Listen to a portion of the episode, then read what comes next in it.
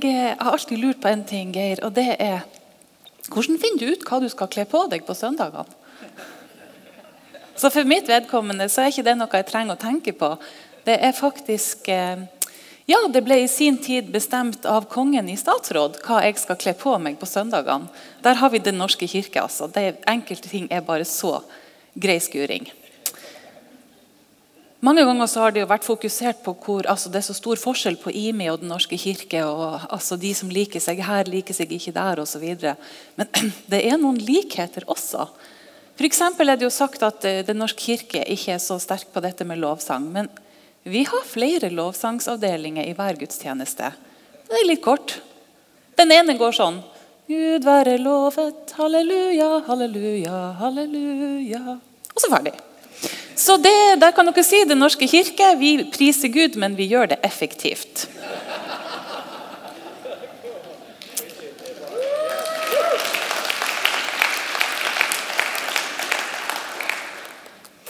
Eh, jeg tenkte at nå har jeg nå bare beholdt mitt vanlige arbeidsantrekk.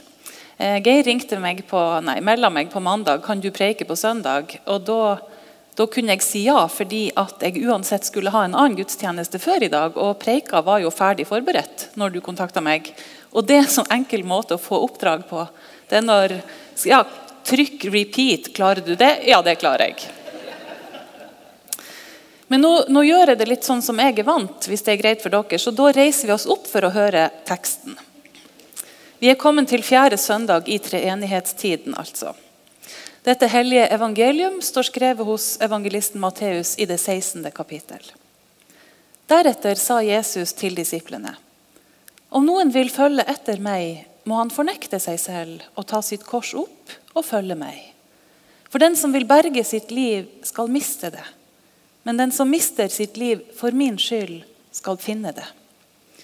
Hva vil det gagne et menneske om det vinner hele verden, men taper sin sjel? Eller hva skal et menneske gi som vederlag for sin sjel? For menneskesønnen skal komme i sin fars herlighet sammen med sine engler.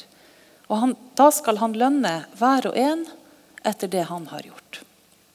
Slik lyder det hellige evangelium.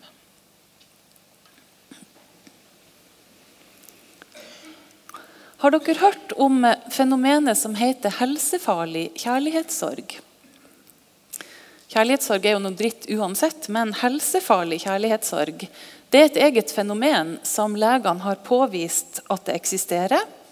Og Det kan tikke inn når et par som har levd veldig lenge i lag, har hatt et langt og godt liv og blitt sammensveisa, og den ene dør. Hos den som da blir igjen i sorg, så har legene avdekka at det ofte resulterer i en påviselig nedgang i generell helse og kroppen sine vitale funksjoner begynner å gå ned for telling. Mange ganger så resulterer det faktisk i at den andre dør ganske kort tid etterpå. Og det er faktisk eh, saksvarende å si at den dør av kjærlighetssorg. Jeg har hatt flere begravelser med akkurat det mønsteret. At den ene dør først, og så veldig kort tid etterpå den neste ektefellen. Det viser seg at når kjærligheten blir borte, da overlever man ikke så lenge. For det man levde for, det er ikke mer. Etter hvert så har jeg skjønt en annen ting òg, og det er at sånn som døden og den påfølgende kjærlighetssorga er både helseskadelig og i verste fall dødelig for oss, sånn er kjærlighetens nærvær både helsebringende og livbergende for oss. Jeg fant ut at en av disse som først ble enkemann, og som så døde veldig kort tid etter kona si, han hadde gått med en alvorlig diagnose sjøl i lang tid, og han kunne egentlig ha dødd for lengst.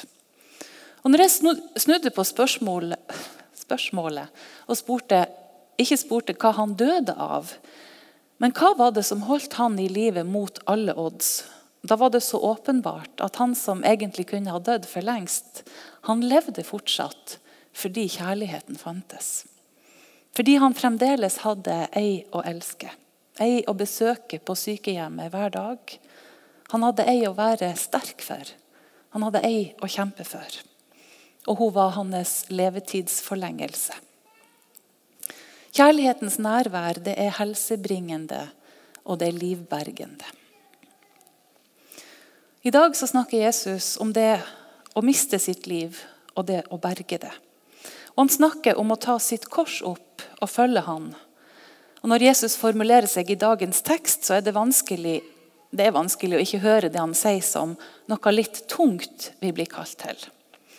Om noen vil følge etter meg, må han fornekte seg selv og ta sitt kors opp og følge meg. Jeg vet ikke med dere, men jeg for min del har ikke særlig positive assosiasjoner til ordet selvfornektelse. Jeg er en eneagramsyver. Det faller seg ikke naturlig. Både jeg og mange med meg, kanskje de aller fleste av oss, har på et eller annet tidspunkt hørt tung forkynnelse om det kristne liv som handler om hva det koster å følge Jesus. Ting du skal gi avkall på, ting som er synd som alle andre driver med. Et kall til et annerledes liv som kanskje skal være litt knagert. Og Det høres ikke nødvendigvis lystbetont ut. Og det krasjer ganske inderlig med budskapet fra vår egen kultur, der reklamen sier 'kjøp det og det fordi du fortjener det'. Livet er til for å nytes, og de som er flinkest til å nyte, de som oppnår aller høyest komfort i livet, det er vinnerne blant oss. De må vi se opp til. De har skjønt det. Jeg har hørt en annen predikant sette følgende diagnose på um, vår vestlige verden. Han sier vi tilber komfort. Jeg er tilbøyelig til å si meg enig i det. Vi tilber komfort, og vi har satt komfort som aller høyeste mål for vår tilværelse. Og Vår oppnådde komfort og luksus den kommer jo også ofte med en fristelse om å publisere det.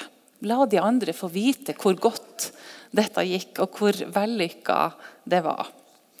Jeg gjør det sjøl òg.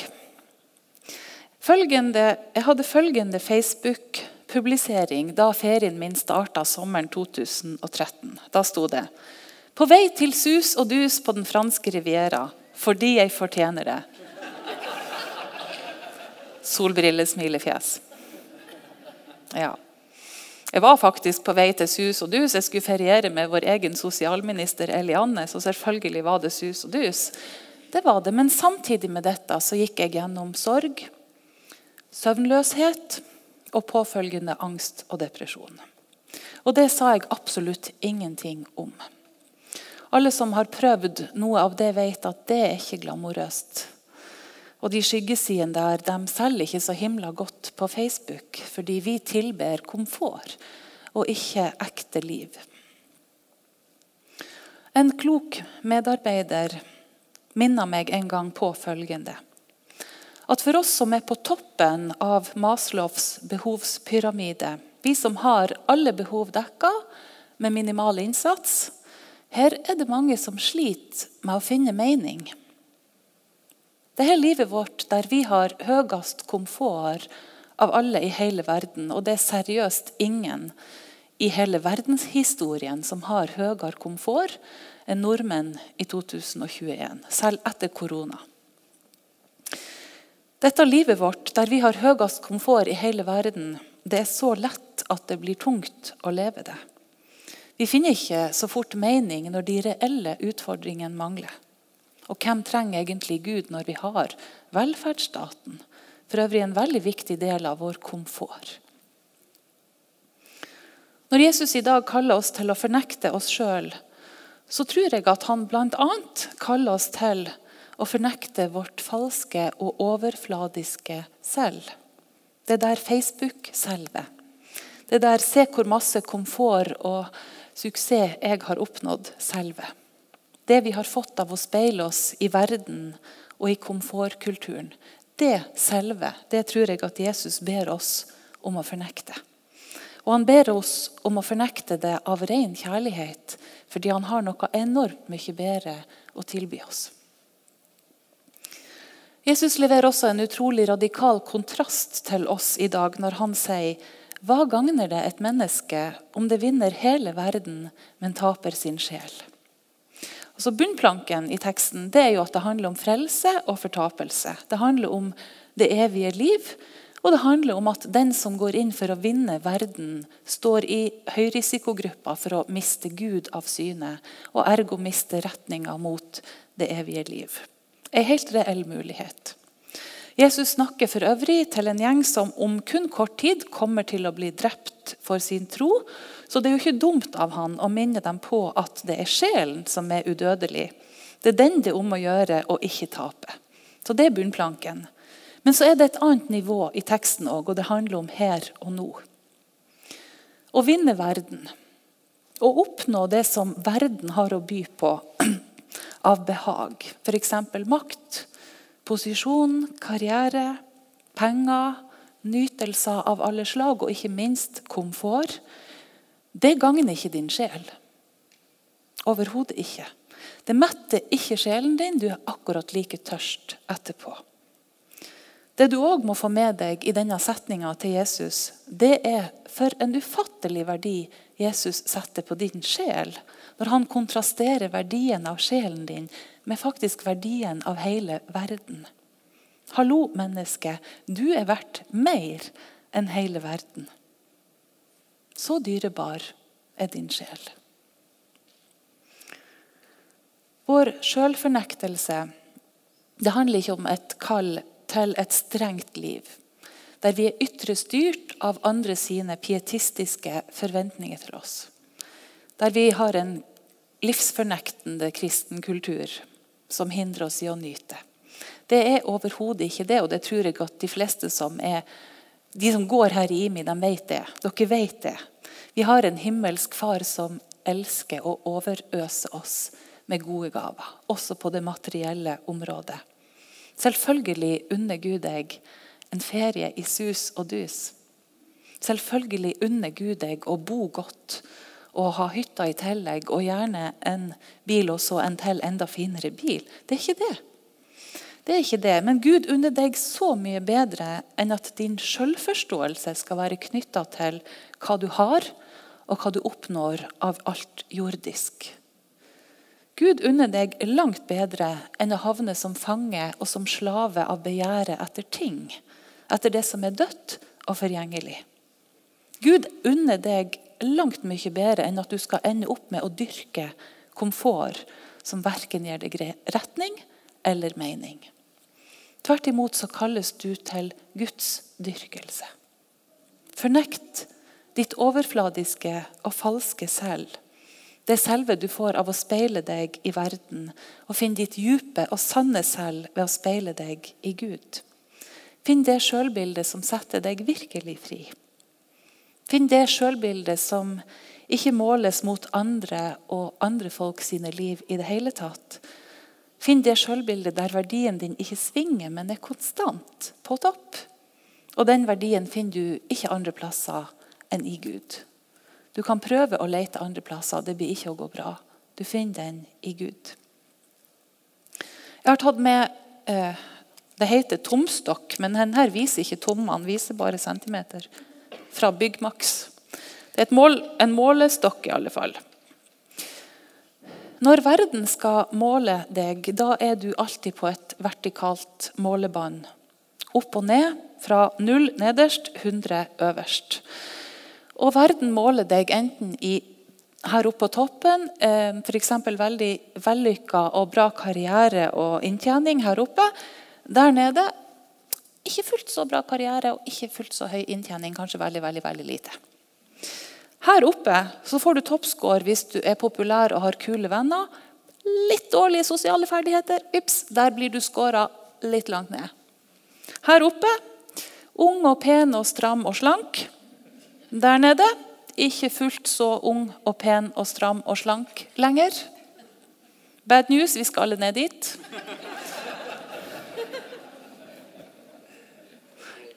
Ja, dere ler, dere unge.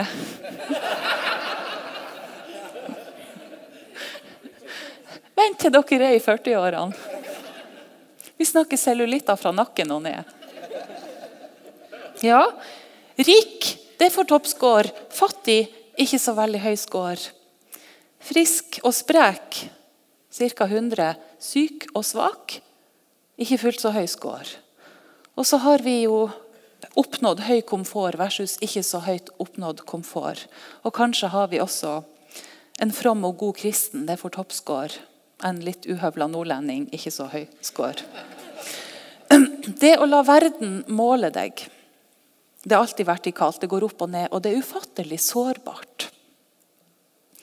Når Gud måler deg, da ser det ikke sånn ut. Da er ikke målbåndet vertikalt lenger, det er horisontalt. Verdien din er konstant, og den er alltid på topp. Han går ikke under 100 hos Gud. Den er alltid på topp. Den svinger aldri, og du er mer verdt enn hele verden. Og hvor ligger Guds målbånd? Jeg har masa meg til å få et lite alter i dag. Det må man jo òg ha når man er fra Den norske kirke. Men det er fordi jeg skal legge målbåndet her. Guds målbånd ligger under korset.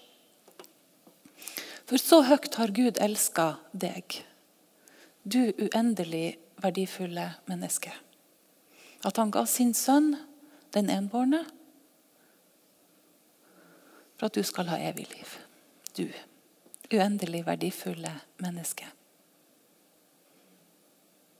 Jesus elsker deg så høyt at han ville heller dø enn å leve uten deg.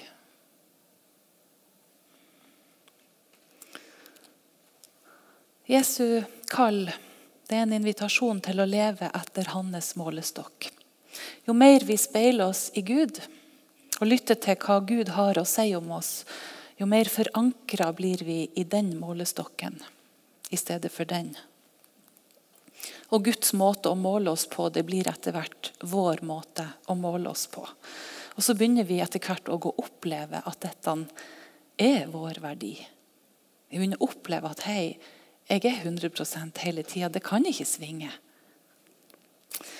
Jeg har opplevd å være syk og satt utenfor arbeidslivet såpass lenge at jeg til slutt måtte slutte å måle verdien min i produktivitet. Det var ikke artig, men det var nødvendig. Av og til så lar Gud oss gå gjennom noen prøvelser som vi ikke helt skjønner hvorfor. Jeg kunne jo bare vært produktiv og kjørt på. Men så er det noe enda, enda finere du skal få finne ved å bli parkert. For du finner ut at verdien din svinger jo ikke, enten du er produktiv eller du er syk og bare sitter der og ligger der eller du bare er lat og litt giddaløs. Dere, Når vi måler oss sånn som Gud måler oss, og vi blir forankra i den måten å måles på, da tåler vi å ha et helt og sant liv. Da tåler vi at vi har sorg og søvnløshet og angst og depresjon. Vi tåler å mislykkes. Tåler å bli skilt.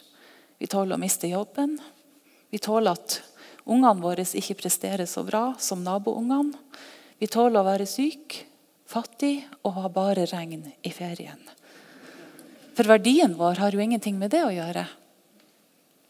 Verdens målestokk eh, kan gjøre oss ganske så deprimert, og den kan skade oss kraftig.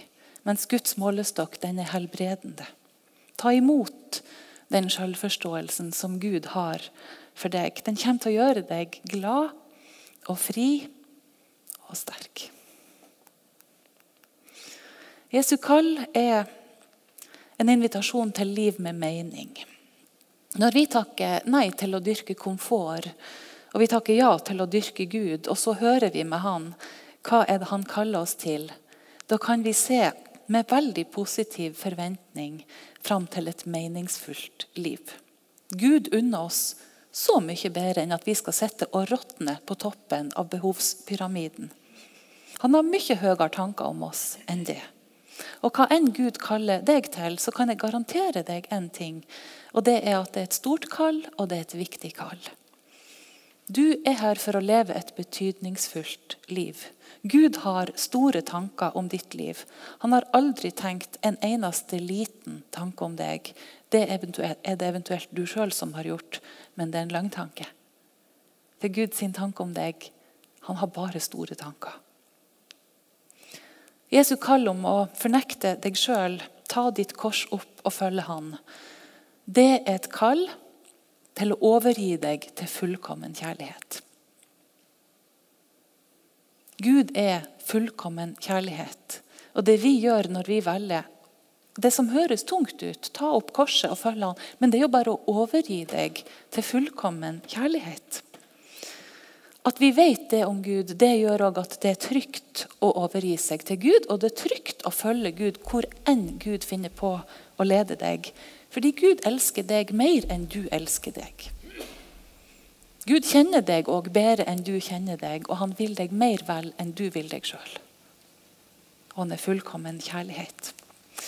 Jeg starta med å fortelle om kjærligheten og hva kjærligheten gjør med oss. At dens fravær er både helseskadelig og i verste fall dødelig. Men at kjærlighetens nærvær er helsebringende og det livbergende. Denne livbergende og livgivende kjærligheten til Gud og mennesker, det er vi kalt inn i. Det er vårt felles kall som søskenflokk og som barn av Gud. Jesus sa dere skal elske hverandre. Som jeg har elsket dere, skal dere elske hverandre. Dere, Jesus sa ikke det til et par. Legg merke til det. Han sa ikke det til et par. Han sa ikke det til en kjernefamilie eller til en biologisk slekt. Han sa det til oss som søsken i troa. Dere skal elske hverandre. Dere, Vi er kalt til å ha noen å elske. Vi er kalt til å ha noen å besøke, enten det nå er på sykehjemmet eller andre steder. Vi er kalt til å ha noen å være sterk for, og vi er kalt til å ha noen å kjempe for. Vi er kalt til å være hverandre sin levetidsforlengelse. Intet mindre. Den som mister sitt liv for min skyld, skal finne det sa Jesus. Men han kunne akkurat like godt ha sagt 'velkommen til det virkelige livet'. Bare følg meg. Bare følg meg. La oss be.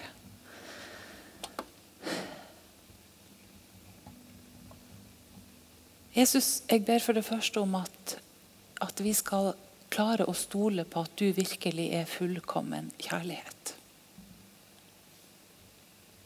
Jeg ber om at vi alle skal være overbevist om det og kjenne det langt inn i ryggmargen. Du er fullkommen kjærlighet. Og å overgi våre liv til deg er 100% trygt. La oss høre din stemme og høre hva du sier over våre liv, sånn at vi har noe å møte løgnerne med. La oss alltid befinne oss på det horisontale målbåndet og sette oss fri fra den elendige vertikale målinga. Styrk oss og sett oss fri, gode Gud. Amen.